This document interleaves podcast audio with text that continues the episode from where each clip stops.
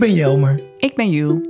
Wij zijn twee van de meer dan 60 donorkinderen van gynaecoloog Jan Wildschut. In deze podcast bespreken we wat afkomst, familie en identiteit voor ons en anderen betekenen. Dit is DNA-zaten. Hoppa. Nou, hotsakee. Oh, spannend. Dan ben ik helemaal zonder... Ja, dit wordt leuk. We doen, Wat een, eh, we doen DNA, een DNA-zaten kort. En jij hebt geen draaiboek bij, bij de hand. Dat ligt, die macht ligt bij mij. Dat vind ik Ja. leuk. Dat, eh, voor wie eh, nog denkt, wat is ook alweer DNA-zaten kort? Eh, we doen dat zo af en toe, hè? een aflevering tussendoor. Meestal voeren we langere gesprekken met mensen, maar af en toe doen we even een aflevering tussendoor waarin we de actualiteit bespreken of dingen waarvan Mhm. we denken, oh, die zijn even tussendoor handig om met onze luisteraars te delen. Ja.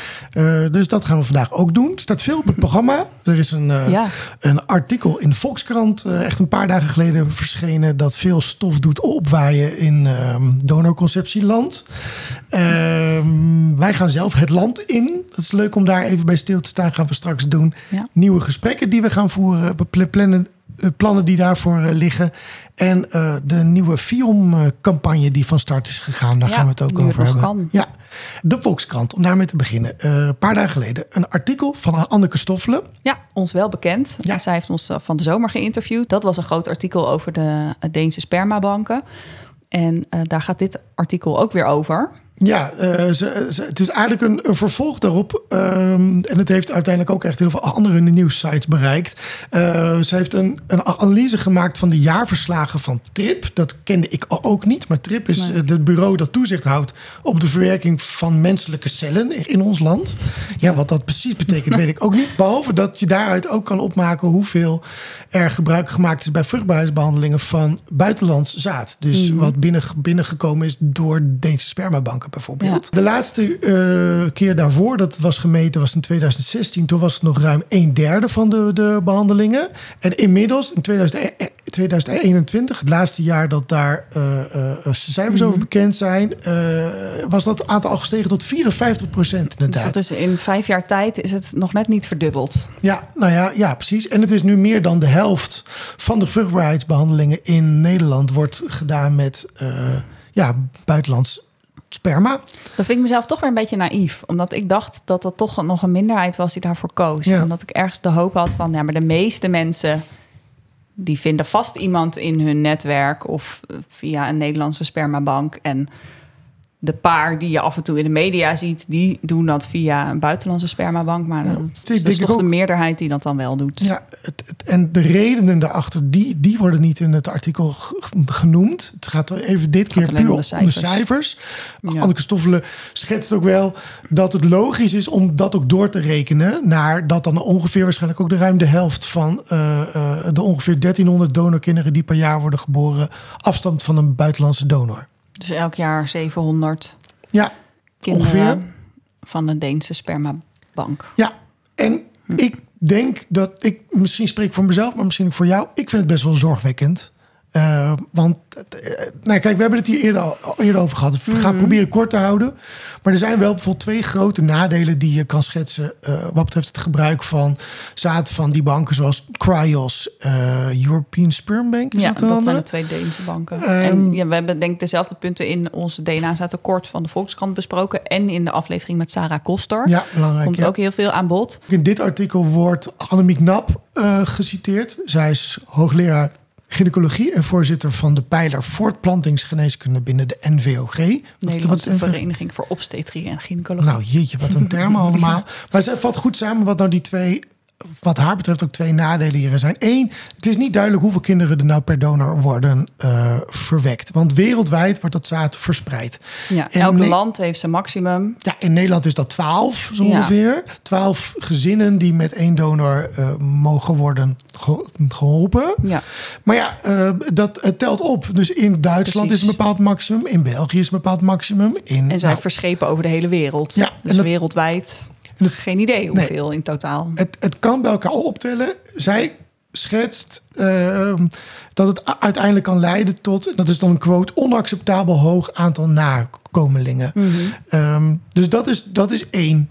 Eh, en Cryos en ESB, die twee grootste banken, geven geen informatie aan klanten, klanten, mensen die dus zich daar inschrijven, ehm, van hoeveel, hoe vaak een bepaalde donor al is gebruikt. Niet tegen klanten. Tegen de Volkskrant uh, heeft, ze hebben ze alleen vermeld, de ESB heeft vermeld wereldwijd uh, maximaal 75 gezinnen per donor. En Cryos heeft überhaupt geen maximum. Tenminste, ze zeggen dat. En dit dat is dus ook niet transparant, want dit Nee. zeggen ze dan bij navraag. Maar misschien als je het zo over een maand vraagt, zeggen ze iets anders. Ja. Het staat nergens vastgelegd van hier houden we ons aan. Nee.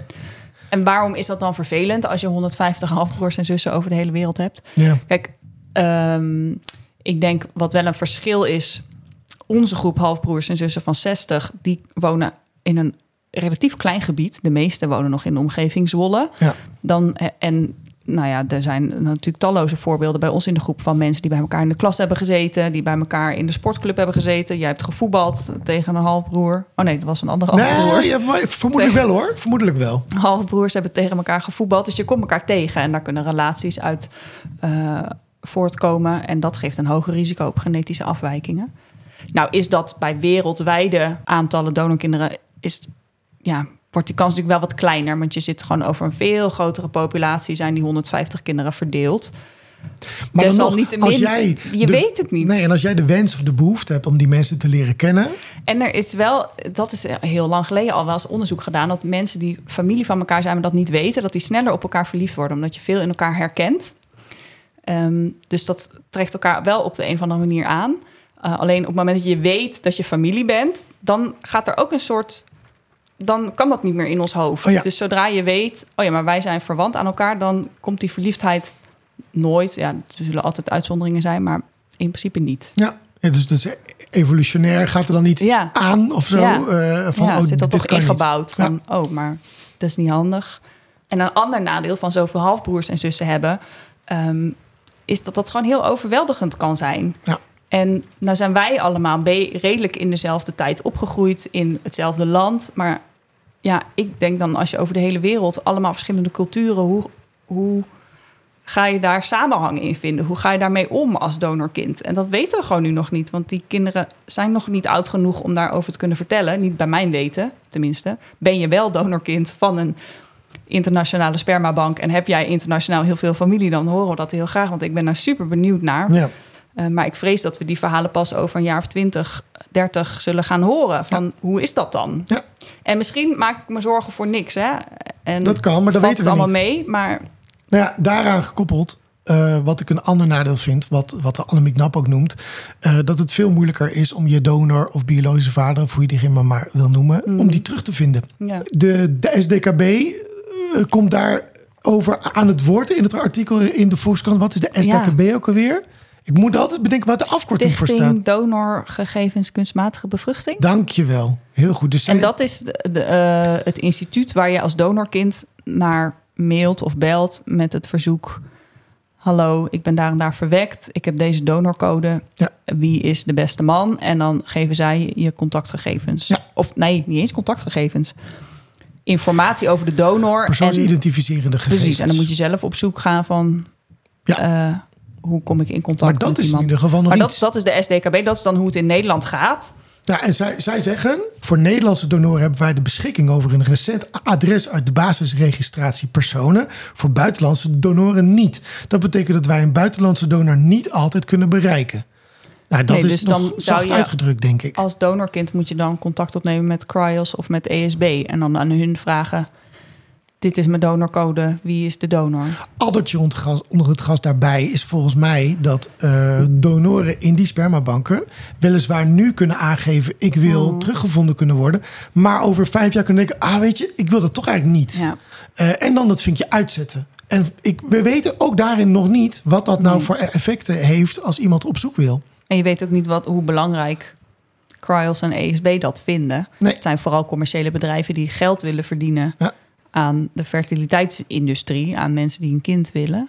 Dus in hoeverre zij zich heel erg gaan inspannen om jou in contact te brengen met je biologische vader, weet ik niet. Voor een Nou, ik, heb, ik krijg er een beetje niet zo'n fijn voorgevoel bij, laat ik het zo Nee, zeggen. nou, voor kan een ik nergens aantal- op baseren. Maar Nou, een aantal klinieken in Nederland voelen dat hetzelfde als jij. Ja. En is daarom, dat is daarom voor een reden om niet eh, met die buitenlandse spermabanken in zee te gaan.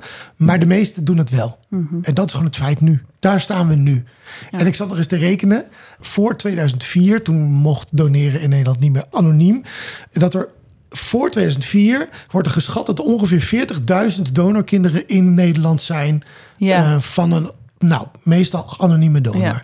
Ehm, Maar is een totale grove schatting trouwens. Ja. Hè? Want je hebt natuurlijk geen idee waar je dat op moet baseren. Dus Nee. het loopt ook wel een beetje uiteindelijk. Ik heb ook wel eens 100.000 voorbij horen komen. ja, nou hoe dan ook. Nou ja. Op deze manier zouden er maar zo 700 donorkinderen per jaar bij kunnen komen. die evengoed weer heel moeilijk of niet achter hun biologische eh, vader of donor kunnen, kunnen komen. En regeer dat door, dan heb je een paar decennia nodig. En dan heb je hetzelfde aantal mensen Ja, weer, die net als in 2004. Dus dan gaan we gewoon de geschiedenis. Maar hoe jammer zou het zijn dat we daar over een aantal decennia dan pas over zeggen: dit is misschien niet zo handig, maar laten we dat voor zijn en nu al denken: wacht even, als we alle zorgvuldigheid in acht nemen, is dit dan de juiste weg om te bewandelen? Kijk, en ik weet niet hoe jij erin staat.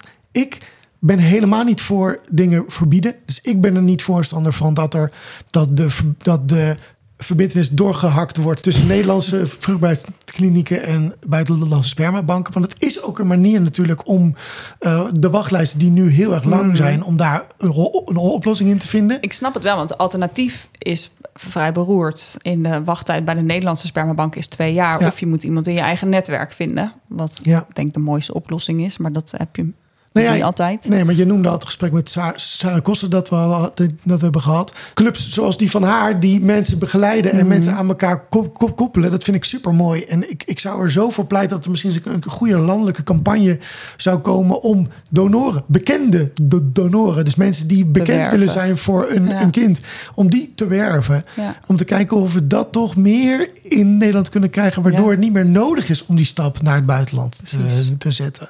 Ehm, dat zou ik heel, heel erg fijn vinden. En, en verder zou ik denken, beperkingen erop, erop aanbrengen. Dus toch gaan kijken naar Europese we- wetgeving... waarin je kan zeggen, dit soort klinieken, dit soort spermabanken... moeten echt een maximum stellen en dan is het klaar.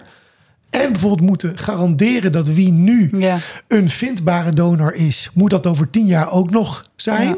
Eh, dat, dat, dat zou ik wel heel fijn vinden als we daar... Nou, middels de politiek, middels beleid... toch meer eh, eh, een goed, goed plan voor gaan maken Ja. met elkaar. ja, eens. En daar heb, jij toen uiteindelijk via Instagram best wel mooi Ja, er was inderdaad iemand die reageerde naar aanleiding van ons gesprek met Sarah Koster. En die vond dat we te negatief waren over de internationale spermabanken.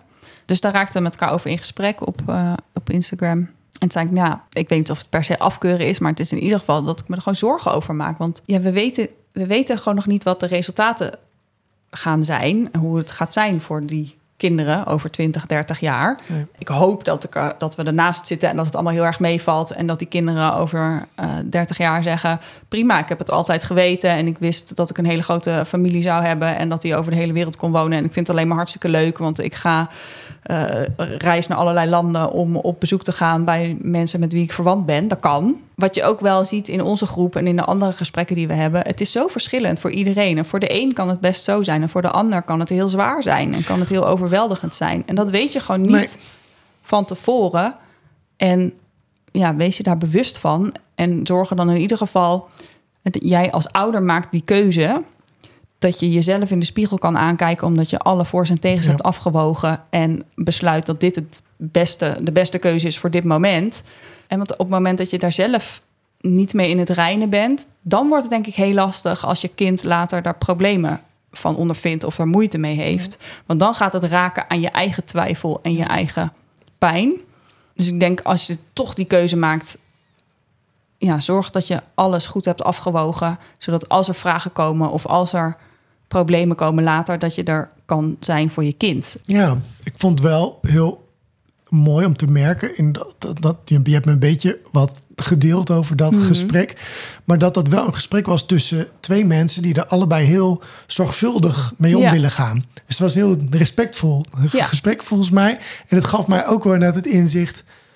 Je moet ook niet denken dat ehm, mensen die een beslissing nemen om met een buitenlandse spermabank te gaan, te gaan uh, om daar iets aan, aan te gaan vragen, dat, dat die dat ondoordacht doen, want dat is, dat is lekker makkelijk Precies. en, en dat gevoel kreeg zij een beetje van, ja, als ik nou naar jullie podcast luister, dan lijkt het alsof ik daar helemaal niet over na heb en dat ik zomaar voor de makkelijke weg ben gegaan. En dat was in haar geval helemaal niet zo, want ja, dit bericht, dat heb ik nou nog niet gezegd, maar dat kwam dus van een uh, moeder die via Cryos of de ESB, dat weet ik niet, maar via een internationale bank een uh, kind heeft gekregen. Ja.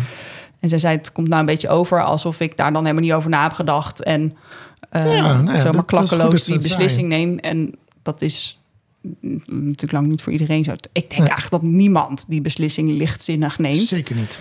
Nee, denk ik ook niet. Maar ik denk wel uh, dat er soms ook gewoon nog te weinig bekendheid is over wat het kan betekenen voor de kinderen. Ja. En daar hopen wij dan een beetje aan bij te dragen. Dat is misschien een mooi bruggetje. Oeh, het volgende geslagen? onderwerp. Ja, ja, want we gaan verder. We gaan het land in. En Of het land uit. Het land uit. Ja. Hoe zit dat? We gaan over een paar weken reizen wij af naar Leuven. Ja, Want we zijn uitgenodigd voor de studiedag van Point. En Point is ehm, de professionele vereniging van fertiliteitscounselors in Nederland en België. Dat bestaat nog niet zo lang, het beroep van fertiliteitscounselor. Eh, Point bestaat ook nog niet zo heel lang, een aantal jaar geloof ik. Maar ze vinden het wel belangrijk dat dat geprofessionaliseerd wordt en dat daar gewoon meer uh, gemeenschappelijke werkwijzes in worden ontwikkeld. En zij hebben ons uitgenodigd om mee te doen aan een panelgesprek ja. uh, op hun studiedag. Nou, en uh, we zijn ook meteen al voor volgend jaar zomer, Mhm. Jullie volgens mij, gevraagd. Dan is het een soort van een soort vergelijkbare dag, maar dan inter- internationaal, Wereldwijd. wereldwijd. In Amsterdam dan wel, wel weer. Dan had ik wel graag ook naar Boston of Sydney gewild. Maar vooruit, het is in Amsterdam. Maar wel dus uh, voor uh, wereldwijd die bij, met, met elkaar samenkomen. Ja, die hebben daar een aantal dagen een heel groot congres. Dat is vooral heel wetenschappelijk, wat ik een beetje van hun begrijp. Maar aan het begin van het congres is er een dag gewoon meer over de praktijk. Dat zijn wij. Ja. Hoi, de Het product, het resultaat van alle wetenschap. Um, en ook daar zijn we gevraagd om uh, ons verhaal te komen vertellen en om in ieder geval mee te praten. En ja, daar ga ik wel een beetje van glimmen. Dat ik denk, wauw, wat Ja. gaaf dat, uh, dat er naar ons geluisterd wordt. Ja. En dat onze woorden mee worden genomen in overwegingen en in beleid. En Ja, vind ik ook heel gaaf. dat we een stem hebben daarin. Het, het, het stimuleert ons volgens mij echt om verder te gaan hier, hier, hier, hiermee. Ja. Uh, om nieuwe gesprekken te gaan voeren. Dat is trouwens, dat, dat, daar hebben we ook mooie plannen weer voor. Ja. Er staan veel mooie dingen op stapel. Uh, we geven jullie een beetje een heel kort previewtje, denk ik. Uh, we gaan eindelijk, dat was wel een wens die we hadden. En het gaat waarschijnlijk lukken om een wat meer wetenschappelijk beschouwend gesprek te gaan voeren over, ja. ja over deze thematiek met een wetenschapper. Mm -hmm. Uh, dat gaan we doen. Uh, we krijgen een schrijver, dichter, die toevallig donorkind is ook, uh, maar die vooral professioneel dichter is. En we hebben haar gevraagd om speciaal voor ons, voor onze podcast, een gedicht te schrijven. Ja. Dat gaat ze doen en ze komt dat voordragen. Super benieuwd naar. Ja, en met ons in gesprek. Dus dat komt eraan. Um, en uh, we keren ook nog een keertje terug naar het huis van een van onze halfzussen. Ja. Maar dit keer om niet met haar te praten, maar met haar partner. Ja. En wie ons al heeft gevolgd de afgelopen, uh, jaar, het afgelopen jaar, heeft een vermoeden welke partner dat gaat zijn. Ja. Uh, laten we nog een beetje in het midden, denk In ik toch? Ja. Ja. vergeet ik er eentje? Heel, ik vergeet er nog eentje, namelijk al volgende week komt er nog een DNA-zaad kort. Ja. Want dan bestaan week we een jaar. Bestaan we een jaar, ja. Dan gaan we taart eten. En niet alleen dat, dan gaan jullie gaan niet 20 minuten luisteren hoe wij taart zitten te eten. We gaan jullie gaan uh, luisteren, als je het leuk vindt tenminste. Nou, wij gaan terugblikken in uh, de vorm van een top 3 van ons beiden. Ja. Dus we krijgen allebei de kans om drie fragmenten die ons dierbaar zijn van afgelopen jaar er nog eens bij te pakken. En met elkaar te praten over waarom dat zo dierbaar voor je was. Ja, en hoe mooi. Ook een leuke aflevering, kijk ik naar uit. Ja, ik ook. Ja. We bestaan een jaar. Ja, Jeetje, we zijn gewoon een jaar. DNA-zaad is één. Ja, ja bijna. We zijn bijna één. Volgende week zijn we één. Ja, precies. nou, heel nog leuk, leuk om ook nog te zeggen. Ik ben dus ook met, eigenlijk met zowel de podcast als met het boek ook iets meer de, uh, de, het, het onderwijsland in, in aan het trekken. Dus langzamerhand word ik door wat meer scholen gevraagd om te komen praten over KIT. Het, de, de jeugdroman die ik vorig jaar hierover schreef. En dan komt natuurlijk ook altijd de DNA-zaten uh, Ja. langs. Dus daar ver- vertel ik ook altijd eh, over. Eh, vorige week was ik bij ROC Midden-Nederland, het gezondheidszorgcollege. Dus daar worden studenten opgeleid voor maatschappelijke zorg, pedagogisch medewerker en Oh ja. dat, soort, eh, dat, dat soort opleidingen. Dat was fantastisch. Ja? Ja, dat was echt zo ontzettend leuk om te merken dat ik eigenlijk niet heel veel anders hoef te doen dan gewoon ons verhaal vertellen. Mhm. Ik heb zes klassen gedaan. eh, en, eh, In één dag? Nee, nee, in twee, twee dagen. Shitje. En eh, alle keren was een uur eigenlijk te kort. Hm. Dus ja, alle keer kwamen we er echt in tijdnood, want er zoveel vragen waren. En dat vind ik super mooi En wat voor soort reacties of wat voor soort vragen krijg je dan? Nou, maar hoe is het dan voor je om opeens te weten dat je vader niet je biologische Oh ja, vader is? ja. Of als ik dan vertel, nou, toen waren we voor het eerst met, met, met een groepje van zes halfbroers en zussen. En dan zie ik mensen al, oh, Zes ja. Dan denk ik echt, you ain't nothing yet. Zitten jullie Ik klaar? had nog een keer tien. Ja, precies. Eh, dus dat, dat soort dingen. En dat is dan vraag, maar hoe was het dan voor je ouders om dan te horen dat de, de gynaecoloog die ze heeft Ja. behandeld, dat die dan eh, de donor blijkt te zijn. En, en nou, maar Dan ook, zeg jij gewoon op elke vraag luister maar naar de podcast. nou, nee, nou, ik verwijs er wel vaak naar. Ja. Ja. Een paar keer kwam ook na afloop in iemand bleef hangen. eh, om te vertellen dat diegene zelf ook ja, ik wou net zeggen, was. zitten dan ook wel eens donorkinderen in de zaal? Ja, ja. En dat vond ik ook heel mooi. En de ene is dan helemaal oké mee. En, vind- en weet ook wie, wie de donor is. Want dat is het vaak. Het, Dit is natuurlijk de vaak- generatie van na 2004. Ja, maar niet, niet Ja, allemaal. Sommigen zitten al op Ja. het randje. Dus ik had er ook eentje die het niet zeker wist. En, en, en die, die daar ook heel veel moeite mee had. En ook moeite met, het, met, met de vraag: wil ik hier iets mee? Wil ik dit gaan uitzoeken? Ehm, dat vond ik heel mooi om daar ook met ze, met ze over te praten. En ja, ze misschien wat, wat adviezen te kunnen, te kunnen geven. Ja, was echt, echt ontroerend soms. Ja. Nou, wat mooi. Ja, Wat goed. ik ben leuk. heel, heel blij dat die kans er nu komt Ja. om eh, ja, het land ook wat dat betreft zeg maar, in te gaan. Ja. En nog leuk om misschien heel kort even te melden. Kit is ook genomineerd. Voor het eerst in mijn leven heb ik een nominatie te pakken. eh, voor De Kleine Cervantes. En dat is een, een, een literaire prijs van de stad Gent. Ah, Eh, dus kijk. op een manier hebben wij iets met, Ja, iets met België, België. met Vlaanderen. Nou, Eh, dat snap ik trouwens wel. Ehm, nee, dat, nou, nee, dat is een beetje te kort door de bocht. Maar in België is de hele situatie rondom donorkinderen nog weer heel anders dan hier. Want daar anders. is anonimiteit nog steeds de norm. Ja. Dat is ook wel leuk. We het ook wel een keer over hebben. Daar moeten we het zeker over Dus ik hebben. snap wel dat het daar misschien nog meer speelt Ja. Nou, ehm, dan in Nederland. En nog eventjes trouwens, om het dit rondje er even af te maken. De, de actualiteitsupdatejes. Mensen vragen ons hoe groot is die groep nu? Dat is wel leuk om nog even te melden. Oh, we ja. zijn, hebben nu de grens van de 60 hebben we nu eh, Ja, het bereikt. is dit jaar erg weinig. Nou, dat vind jij dus weinig. Nou, Sommige ja, mensen denken nee. nu... Het totaal blijft veel. Ja. Maar we hebben volgens mij sinds maart is er al niet meer een nieuw iemand bij de groep gekomen. Nee. Dus Nee. dat, dat, dat begint allemaal wat rustiger. Is misschien Ja. ook omdat er geen media-aandacht meer echt heel veel voor is. Behalve deze podcast. Ja. Speaking Eh. of media-aandacht, zou best kunnen dat het dus in de komende tijd wat gaat oplopen. Ja, Want Viom heeft op dit moment eh, een campagne lopen. nu het nog kan. Ja, vandaar ook de titel van deze aflevering. Ja, belangrijk om daar nog even bij stil te staan. Eh, die campagne is net live gegaan.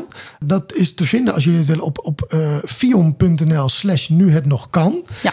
En kun je het kort vertellen, wat is dat voor Ja. campagne? Nou, het doel van de campagne is om zoveel mogelijk ouders van donorkinderen te informeren dat openheid belangrijk is, zodat zij hun kinderen vertellen over hun ontstaansgeschiedenis. Dus het is een beetje gericht op de wat eh, oudere ouders van donorkinderen, Ja. die er misschien over een aantal jaar ook wel niet meer zijn. Ja. Om die, vandaar de titel, nu het nog kan. Nu heb je nog de mogelijkheid om zelf je kind te vertellen Om het op een mooie manier te kunnen dat vertellen. het een donorkind is en dat je daarover in gesprek kan. Ehm, om, ja, die generatie ouders, die stammen natuurlijk helemaal uit de tijd waarin het een super groot geheim was. En onze ouders ook nog wel, maar daarvoor was het denk ik nog veel meer. Nou ja, je hoort het ook wel in de aflevering die we met Eline hebben gehad. Ja. eh, in het kader van deze campagne. Eline heeft 55 jaar geheim gehouden dat haar kinderen donorkinderen zijn.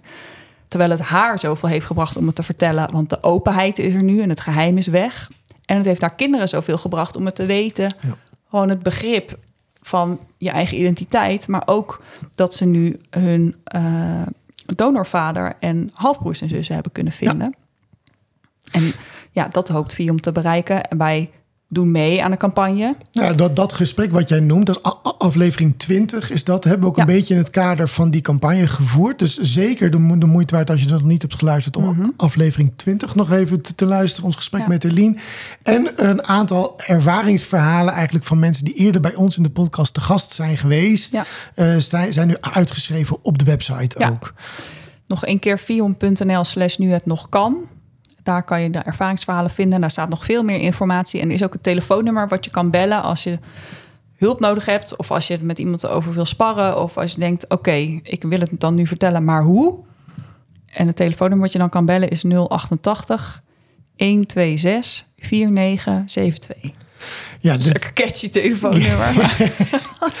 ja maar de, ja, we hebben de website ook genoemd. Mensen kunnen het vinden. Daarom. Dit komt helemaal goed. voor alle analoge Ja, luisteraars. we hebben, we hebben begrepen dat er al eh, een aantal ehm, naar aanleiding van de campagne hebben we begrepen dat er volgens mij ook al een stuk of vijf moeders zijn die een kind hebben verteld dat ze donorkinderen zijn. Ja, Dus, dat is, dus het werkt echt. En dat is ontzettend mooi om te merken dat dat doel bereikt kan worden. ja, Ja, fijn. Ehm, dat was hem denk ik, hè? Dat was ja DNA zijn we kort. rond? Ja, Heel volgende, kort. Week, volgende week hebben we weer een kort. Ja, Dan zien we jullie weer, dan bestaan we een leuk. jaar. Dan gaan we eh, onze verjaardag vieren. Ja, tot Ja. volgende week op onze verjaardag. Doeg! Doeg! Dit was DNA Zaten, een podcast van Jelmer en Jules. Wil je ons steunen? Ga dan naar vriendvandeshow.nl slash dnazaten. Je kunt ons ook volgen. Kijk dan op Instagram, dnazaten. Heb je behoefte aan meer informatie? Kijk dan op de websites van FIOM, Stichting Donorkind en het landelijk informatiepunt Donorconceptie. De linkjes vind je in de show notes en op dnazaten.nl. Ben je op zoek naar verdieping? Lees dan de roman Kit, K.I.D., die Jelmer heeft geschreven over zijn verhaal en die je kan vinden in de boekhandels. Tot de volgende!